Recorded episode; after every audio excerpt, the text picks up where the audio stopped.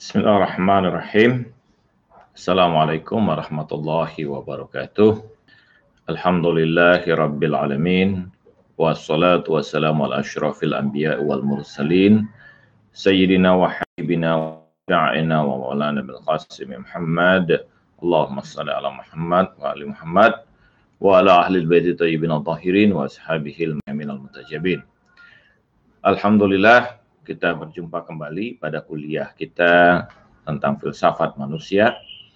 Kalau sebelumnya kita sudah berbicara dalam konteks manusia dalam tasawuf, kita lanjutkan kuliah kita tentang konsep utama yang dibicarakan juga di dalam uh, tasawuf atau irfan yaitu insan al-kamil.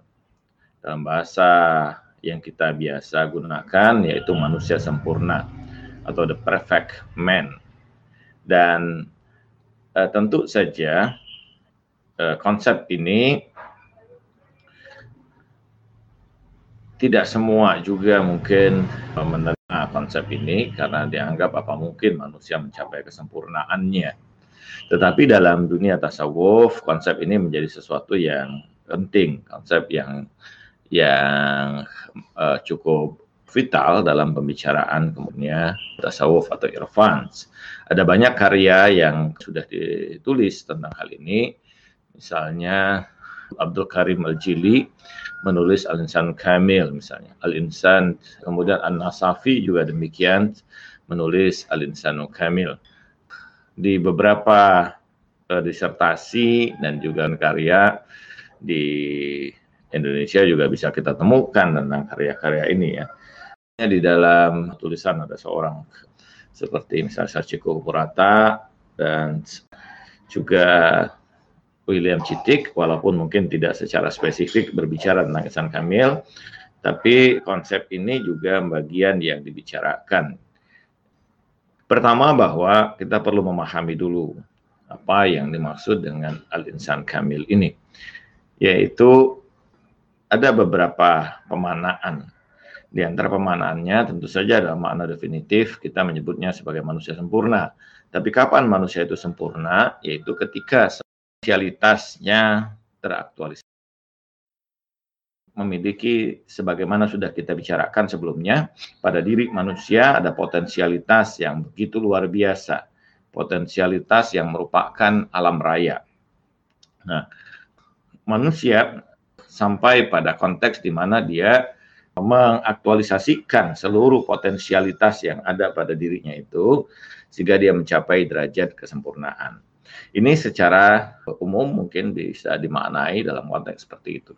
Tetapi dalam konteks tasawuf kita sebelumnya sudah bicara bahwa manusia merupakan majelah yang paling sempurna dari al-haq yaitu di mana diri manusia ini merupakan lokus tajali ilahi yang paling hakiki. Nah, derajat di mana kita bicarakan sebelumnya bahwa manusia memiliki derajat yang e, berbeda-beda satu dengan yang lain bergantung pada aktualisasi dari potensialitasnya.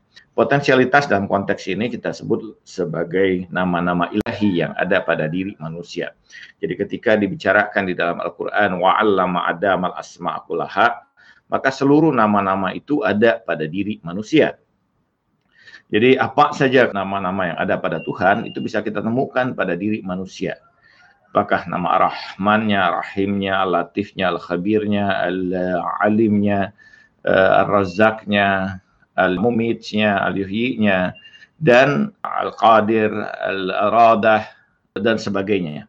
Jadi kita lihat bahwa keseluruhan nama-nama Tuhan yang ada pada diri Tuhan itu yang kadang kita sebut di dalam Al-Quran sebagai Al-Asma'ul Husna, keseluruhannya itu ada pada diri manusia. Tetapi yang paling mungkin perlu kita jelaskan di sini bahwa pada konteks ini, proses tajali yang terjadi dari makom ahadiyah, ketunggalan yang uh, mutlak, ke wahidiyah, dalam konteks sudah entitas yang sudah Asmul Jami di sana nama yang Allah yang meliputi keseluruhan.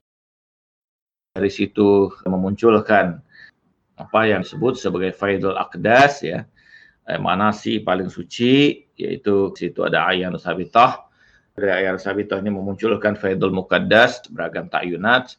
Dari situ juga memunculkan kan ada alam yang disebut dengan alam Jabarut yang merupakan alam ruhaniyah murni. Kemudian dari alam Jabarut ini memunculkan alam malakut yang merupakan bentuk-bentuk ruhaniyah yang sudah memiliki bentuk-bentuk ya. Dari alam malakut ini sampai pada alam nasut yaitu alam yang sangat material alam yang beragam keterbatasan, beragam perbedaan, alam kasroh yang begitu sangat material, sangat fisik, sangat zohir yang disebut sebagai alam nasud, sebagai alam yang paling rendah. Nah, tetapi bahwa keseluruhan dari seluruh mulai dari asmul jami'ah ini hingga pada alamun nasud ini semua tampil atau muncul pada diri manusia yang disebut dengan al-insanul kamil ini. Jadi puncak dari atau pengikat dari keseluruhan tingkatan ini pada bentuk makhluk ini yang disebut sebagai al-insan al-kamil, manusia yang sempurna. Manusia yang sempurna ini adalah manusia yang dalam hadis katakan dia adalah makhluk-makhluk atau manusia-manusia yang bertakhaluk di akhlakillah, berakhlak dengan akhlak Allah. Artinya bahwa proses yang terjadi pada dirinya di mana keseluruhan yang muncul dari dia itu tidak lain semuanya merupakan gambaran atau tajali dari Allah Subhanahu wa taala. Karena itu di dalam Al-Qur'an ketika berbicara tentang Nabi Muhammad sallallahu alaihi wasallam Al-Qur'an mengatakan wa may yantiqu anil hawa in huwa illa wahyuha. Tidak ada yang keluar dari dirinya kecuali wahyunya. Jadi seluruh apa pun yang ada dan muncul pada dirinya itu semua merupakan tajali dari dia. Wama romaita iz romaita walakin Allah haroma. Tidaklah ketika kamu melempar, kamu yang melempar, tapi Allah lah yang melempar. Artinya dalam konteks ini, di mana pada tingkat yang tertinggi, dirinya ini sudah tidak lagi sebagai diri yang didorong oleh nafsnya. Tapi yang muncul adalah merupakan keseluruhan hakikat yang sesungguhnya yang muncul dalam keseluruhan baik dari keinginannya, dari tindakannya dan sebagainya. Jadi proses yang muncul pada konteks ini adalah di mana manusia ini sudah betul-betul dia menjadi majelah ilahi. Jadi sebagai mazhar yang paling hakiki dari ilahi. Nah, bagaimana sebuah proses itu atau manusia itu bisa sampai pada konteks yang seperti ini, pada konteks di mana derajatnya itu derajat yang sangat tinggi, derajat yang di mana dirinya ini sampai pada hakikat yang paling dekat dengan al-haq ya. Karena apa yang muncul dari dia tidak lain apa yang merupakan keinginan al-haq itu sendiri. Ini yang melalui sebuah proses yang cukup panjang dalam konteks ini misalnya Halkimullahi Mulasadra menggambarkan empat tahap perjalanan il asfaril aqliyah al arba'ah pada tahap empat perjalanan intelek manusia ini. Nah, yaitu perjalanan di mana minal khalq ilal haq dari makhluk ini kesadarannya untuk menyingkap beragam realitas ilahi itu kepada al-haq sehingga muncul kesadaran al-haq itu pada dirinya. Bahwa bagaimana segala yang ada di alam semesta ini mengantarkan kesadarannya kepada al-haq. Sanurihim ayatina fil afaqi wa fi anfusihim hatta yatabayyana lahum anahul haqqun bahwa kami paparkan semua tanda ini baik di di ufuk ini maupun pada diri e, mereka bahwa jelaslah dialah yang al-haq ya. Dialah yang maha benar. Jadi penyingkapan dari realitas kasroh ini, realitas yang terbatas ini untuk sampai pada kesadaran di balik ini semua ada hakikat yang tidak terbatas. Adalah hak yang sesungguhnya, ada e, wajibul wujud. Ini merupakan kesadaran yang pertama yang harus dilewati, yang harus disingkap oleh diri manusia. Kesadaran ini baik pada tingkat takliyah, inteleknya, maupun pada tingkat ruhaniah. Karena penyaksian itu bukan hanya penyaksian ilmiah e, nazariyah, ya, tapi penyaksian itu adalah syahadatul basirah, syahadatul ainul basirah. Jadi penyaksian yang didapat juga berdasarkan mata basirahnya, mata batinnya. Jadi kesadaran awal ini bukan hanya pada tingkat di mana secara akliyah dia mampu membuktikan bahwa di balik alam material ini bisa dibuktikan dengan beragam bukti yang ada itu bahwa ada realitas yang hakiki, ada realitas yang mutlak. Tentu saja misalnya dengan beragam teori, teori sebab akibat, kausalitas, teori keteraturan, teori keteraturan, teori tentang efek, teori tentang burhan asidikin, pembuktian berdasarkan wujudi, bahwa di balik wujud mungkin pasti ada wujud wajib sebagai hakikat wujud itu sendiri. Nah, ini tentu berdasarkan pembuktian rasional yang seluruh orang yang mempelajari ini itu dapat memahami, dapat memberikan bukti. Tetapi bahwa pada tingkat ini tentu saja tidak memadai, tidak mencukupi untuk mengenal manusia itu dari kesadaran alam nasud ini, kesadaran dari alam material ini untuk menyaksikan kemudian realitas al-haq itu juga harus dengan kesadaran batinnya, ainul basirohnya, dengan proses penyucian diri. Itulah pada beragam makom-makom, misalnya pada irfan, pada tasawuf ya. Jadi kalau misalnya Anda lihat pada manazilus sa'irin, yang paling awal itu kita lihat pada makom itu atau manzilah yang paling awal itu manzilah yakzoh. Yakzoh itu cause yaitu kesadaran, ketersadaran, keterjagaan di mana secara batinnya kita mengalami keterjagaan dan melakukan proses penyingkapan beragam batasan-batasan ini melalui upaya-upaya ruhania untuk menyaksikan realitas yang hakiki di baliknya. Ini safar yang pertama. Ada banyak hal lagi tentu saja yang terkait dengan hal ini, dengan proses kemudian kesadaran, dengan makrifat, dengan upaya-upaya penyucian batin ya. Misalnya dalam hadis dikatakan bahwa man akhlasa lillahi arba'ina sabaha falyanba fi qalbihi al-hikma wal yakhruj ila lisanihi. Barang siapa yang menjaga keikhlasannya 40 pagi, maka akan memancar di hatinya itu itu hikmah yang akan keluar dari lidahnya. Ini penggambaran bagaimana proses penyucian, pembersihan batin yang kadang-kadang di kalangan para sufi disebut dengan al-arba'in ya. 40 hari melakukan proses penyucian batin dan sebagainya sehingga muncul kesadaran hakiki itu. Nah, pada tahap kedua di mana kesadaran itu sudah muncul, kesadaran batinnya juga sudah kemudian tersingkap. Upaya kedua itu safar asani, yaitu tahap perjalanan yang kedua yaitu as-safaru minal haq ilal haq fil haq. Bagaimana digambarkan proses tahap perjalanan dari al-haq dari Tuhan menuju Tuhan di dalam Tuhan, yaitu di mana proses penyempurnaan kesadaran hakiki manusia dan keseluruhan nama-nama yang ada pada dirinya. Jadi proses ini dalam istilah yang dikembangkan oleh Sadra Muta'alihin itu adalah safar minal haq ilal haq fil haq. Safar usani.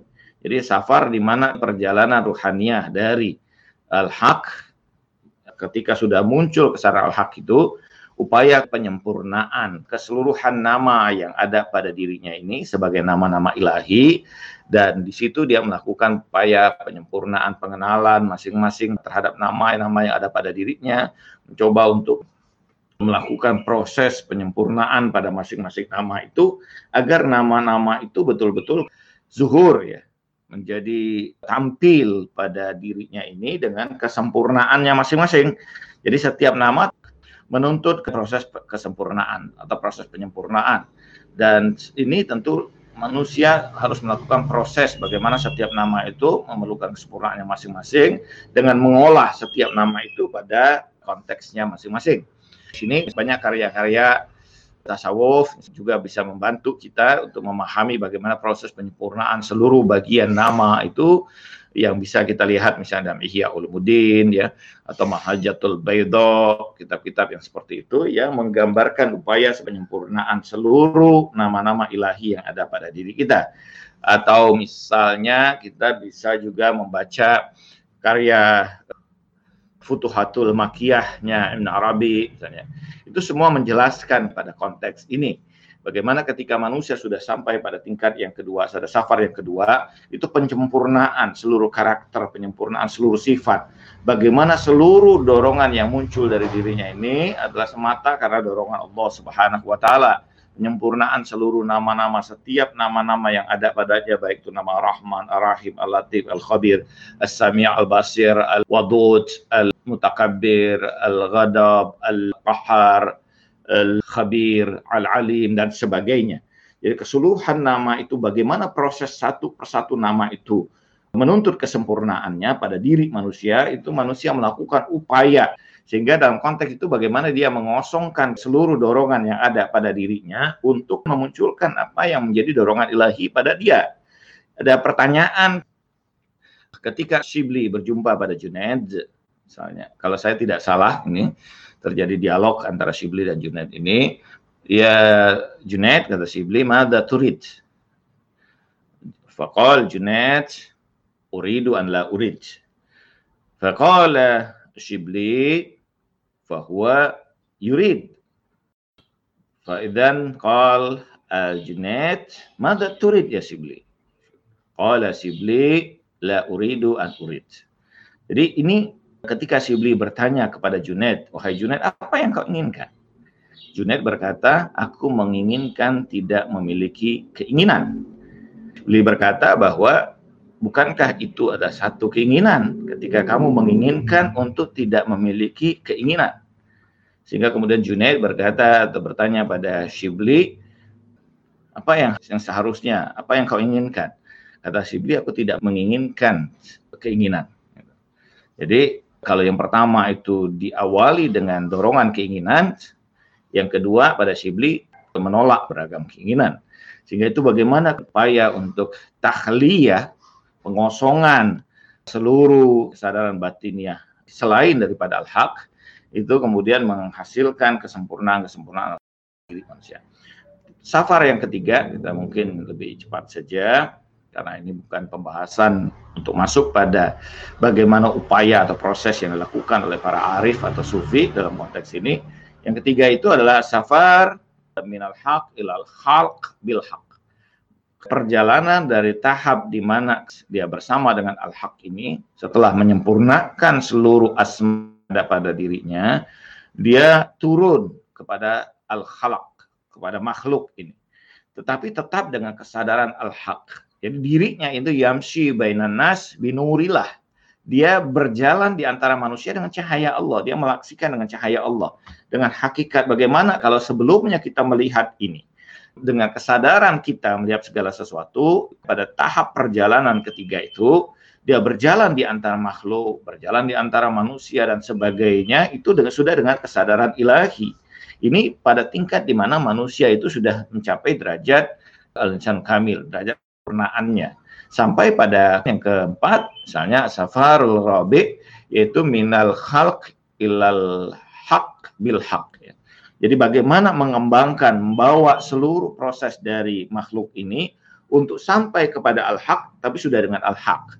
Inilah yang dilakukan oleh para nabi, ya, para rasul, para kekasih-kekasih Allah. Mereka mengajak manusia ini untuk sampai pada derajat kesempurnaannya, tapi kesadaran al-haq. Jadi bukan lagi kesadaran dirinya, bukan kemudian kita memberikan pengetahuan bahwa di situ ada Tuhan, ada balasan kalau kita melakukan ibadah, ada balasan kalau kita ada hukuman kalau kita melakukan keburukan, bukan lagi berdasarkan pengetahuan yang ada pada dirinya, tapi bahwa sudah dengan kesadaran ilahi dia membimbing setiap yang ada di sekitarnya untuk mengajak mencapai derajat kesempurnaan. Nah, ini proses atau tahap yang dikemukakan oleh Mullah Sadra terkait dengan proses penyempurnaan diri manusia. Nah, apakah manusia bisa mencapai derajat itu al-insan kamil ini? Dalam konteks tasawuf atau irfan, manusia bisa mencapai itu karena manusia punya potensialitas untuk itu. Manusia melakukan sebuah proses, bahkan dituntut untuk melakukan sebuah proses penyempurnaan hakikat dirinya untuk sampai pada kesempurnaan yang hakiki. Kapan kesempurnaan yang hakiki itu? Kesempurnaan yang hakiki yaitu kesempurnaan ketika dia seluruh dirinya ini, kesadarannya tidak lain adalah diri dan kesadaran ilahi. Bahwa dia hanyalah menjadi lokus bagi keseluruhan tajali ilahi. Gitu. Jadi kalau yang tadi pada konteks yang pertama saya gambarkan bahwa kesempurnaan manusia sempurna adalah manusia yang mampu mengaktualisasikan potensialitas pada dirinya, tetapi pada makna yang lebih dalam bahwa manusia sempurna itu adalah manusia yang dirinya ini sudah menjadi tajali ilahi, sudah menjadi hakikat ilahiyah. Jadi apa yang keluar dari dirinya, baik itu perkataannya, pendengarannya, penglihatannya, maupun firasat yang ada padanya, ilham ataupun segala sesuatu yang keluar dari dia, tidak lain merupakan adalah tajali ilahi itu sendiri.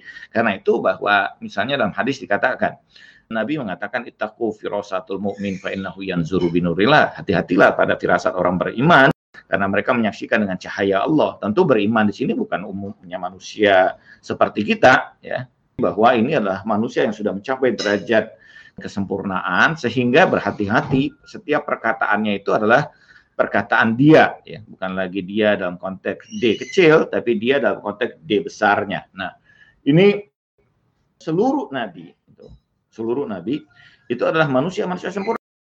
Ada manusia yang sempurna ini disebut sebagai waliul muqayyad ya. Wali yang terbatas. Ada waliul mutlak. Ada wali yang mutlak sempurna.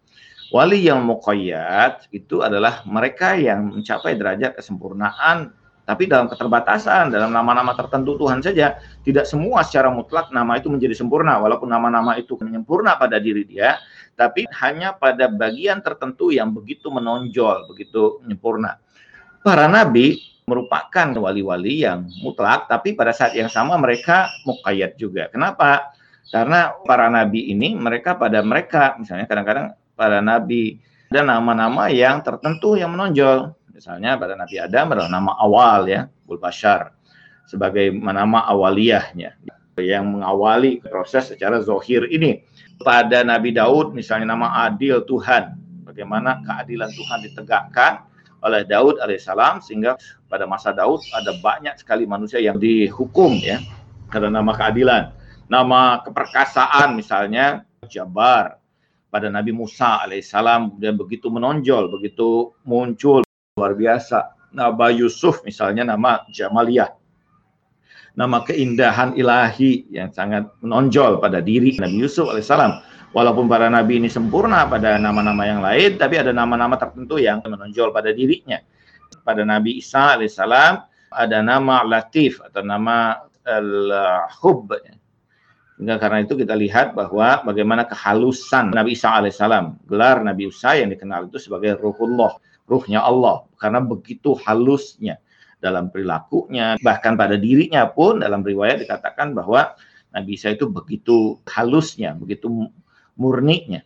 Sehingga kelembutan dari wajahnya, dari kulitnya, dan sebagainya itu tampak, tampil.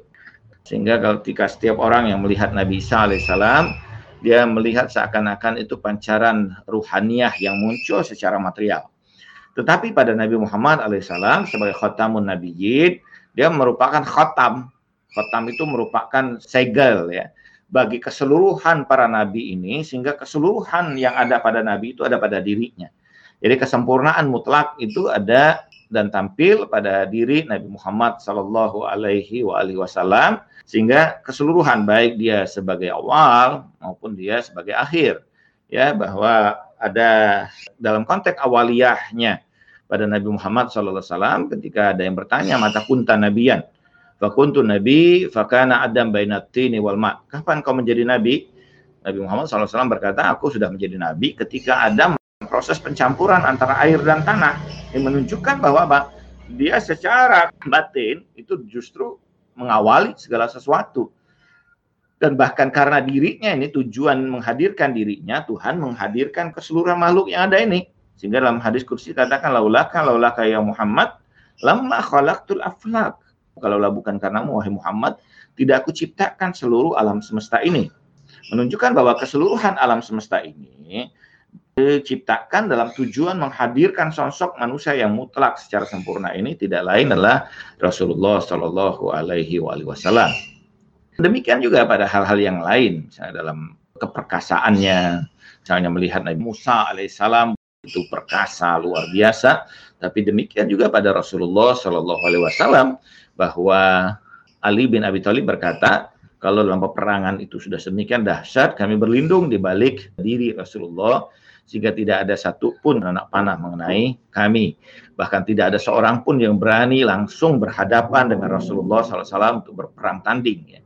Demikian keperkasaan yang begitu luar biasa. Tapi kelemah lembutannya juga sangat luar biasa. Bagaimana ketika ditanya Ummu Salama bagaimana akhlak Nabi, ya. Nabi itu begitu lemah lembutnya.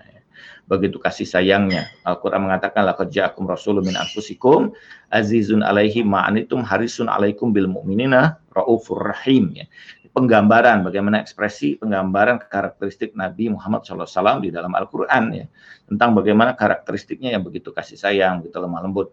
Dalam keindahan dirinya pun kalau kita melihat atau kita mengetahui bahwa Nabi Yusuf alaihissalam gambaran keindahan jamaliyah Allah pada diri Rasulullah juga demikian keindahan itu muncul sehingga ada yang bertanya pada Rasulullah ya Rasulullah ayu min kuma ajmal bainaka wa baina Yusuf ana akhi Yusuf abiyad minni wa ana amlah minhu ada yang bertanya pada Rasulullah wahai Rasulullah mana yang lebih tampan lebih indah antara dirimu dan Yusuf. Rasulullah mengatakan saudaraku Yusuf lebih putih dariku, tapi aku lebih manis darinya. Ini penggambaran bagaimana kemudian keindahan wajah Rasulullah sehingga digambarkan si Rojan Muniro yang penuh dengan menampilkan cahaya atau digambarkan misalnya tolong al badru alaina gitu kan telah terbit bulan purnama di hadapan kita ya. al badru alaina misalnya wada wajib syukru alaina dan seterusnya ya.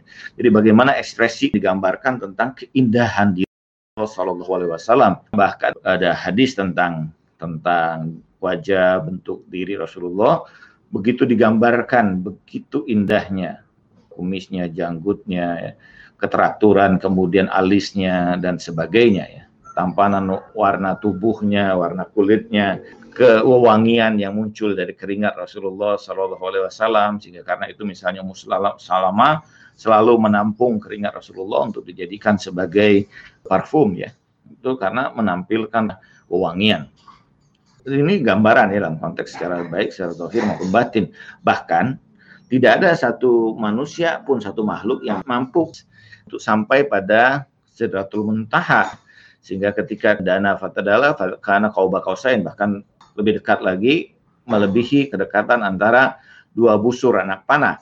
Bahkan ketika sampai pada Sidratul Muntaha, Jibril berkata, "La qadam qadaman Muhammad la tuh. Kalau aku melangkah satu langkah lagi, aku sudah terbakar. Artinya bahwa Jibril pun sudah tidak mampu lagi untuk sampai pada derajat yang seperti itu. Pada puncak dari puncak dari kedekatan dengan ilahi. Sehingga Rasulullah mengatakan bahwa al-faqu baini wa bainahu faqat fil mim fa innahu ahad wa ana ahmad. Perbedaan antara diriku dengan dirinya hanya pada huruf mim saja bahwa dia adalah ahad, aku adalah ahmad. Jadi kata Ahmad ketika dihilangkan huruf mimnya, maka itu kemudian dibaca dengan sebutan dengan sebutan apa? Dengan bacaan ahad ya. Nah, kenapa apa gambaran ini? Gambaran mimiyah ini digambarkan oleh para arif atau sufi sebagai makhlukiyah jadi bahwa dia sampai pada derajat. Jadi kalau kita kemudian menggambarkan bahwa hakikat tajali ilahi yang paling mutlak, yang paling luar biasa itu muncul pada diri Rasulullah Shallallahu Alaihi Wasallam, sehingga kita bisa menggambarkan ini bagaikan dua di antara jud yang tengah bercermin pada hakikat yang sesungguhnya ada di balik dari alam semesta yang dalam konteks mutlakannya tampilnya tajali yang sesungguhnya gambaran yang ada di cermin itu yang menggambarkan ke seluruh hakikat dirinya tidak lain adalah Rasulullah Shallallahu Alaihi Wasallam sebagai gambaran dari konteks kesempurnaan ini. Jadi kita melihat bahwa diri Rasulullah adalah majelah yang paling mutlak dari hakikat ilahi.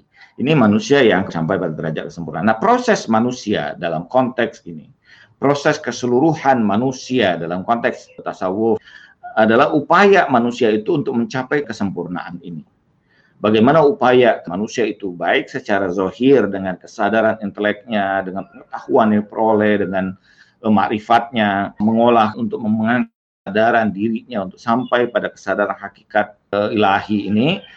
Di saat yang sama dia melakukan proses ruhania mulai dari takhali, tahali, tajali gitu kan bagaimana kemudian dia melakukan pengosongan, kemudian kesadaran, pengosongan pembersihan dirinya, pengosongan beragam hal-hal yang dorongan-dorongan yang buruk sekalipun dan sebagainya pada dirinya ini untuk masuk pada tahap yang disebut dengan tahali, bagaimana mengindahkan dengan akhlak-akhlak Allah. Sehingga perintah di situ takhaluk bi akhlakillah, berakhlaklah kamu dengan akhlak Allah. Sampai pada konteks tertentu itu sudah kesadaran dirinya itu hanyalah bahwa bahwa Allah yang justru bertajali pada dirinya dia menjadi lokus bagi sadara ilahi, bagi kemudian nama-nama ilahi, bagi uh, hakikat ilahiyah ya, baik secara afal, sifat, bahkan pada puncaknya itu tentu secara zatnya. Tentu ini pembicaraan yang mungkin perlu pendalaman lebih lanjut, tapi pada konteks kita sekarang, kita berbicara tentang hakikat manusia sempurna itu. Nah, apa fungsi daripada manusia sempurna ini? Fungsi dari manusia sempurna ini adalah sebagai realitas penyambung antara realitas yang e, mutlak dengan realitas yang terbatas ini. Dia sebagai pembimbing para sufi atau arif menyebutnya sebagai sirotol mustaqim. Jalan yang dalam proses jalan ini untuk sampai pada hakikat dirinya.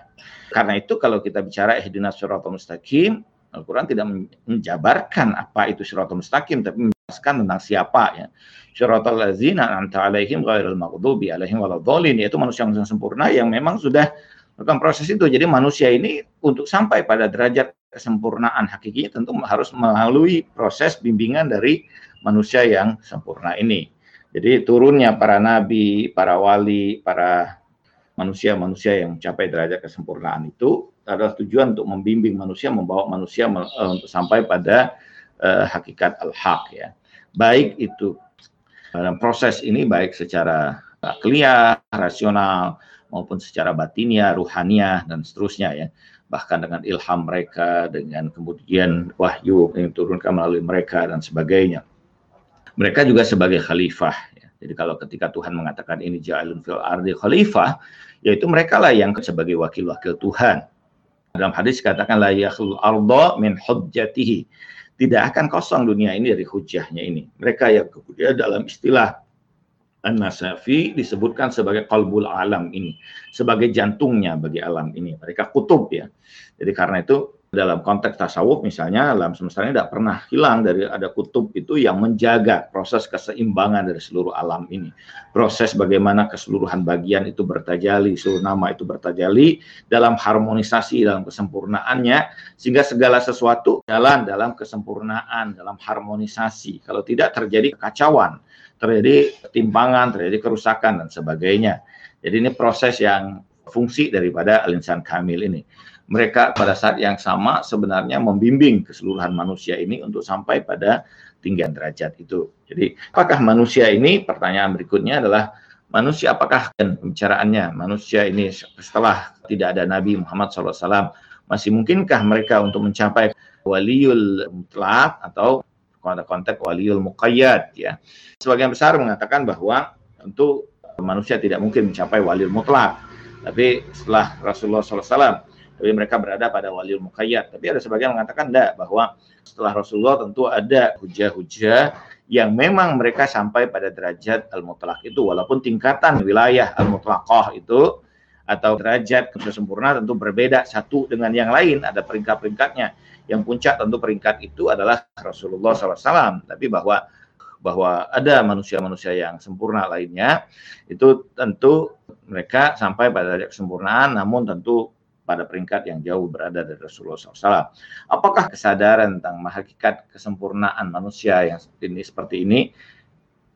Memang dalam hakikat ini dalam pembicaraan tentang konteks kuliah kita sebagai dalam konteks filsafat manusia ini memang diperlukan oleh manusia. Itu saja bahwa manusia memerlukan yang mampu membimbing manusia ini. Karena manusia ini tidak hanya terbatas secara zohir tidak hanya secara rasional tapi ada tentu ada bagian batin manusia yang sangat luar biasa yang merupakan samudra yang tanpa batas yang eh, yang kadang kemudian diingkari oleh banyak manusia dengan dasar materialismenya, positivismenya sehingga kemudian menghilangkan kesadaran ini.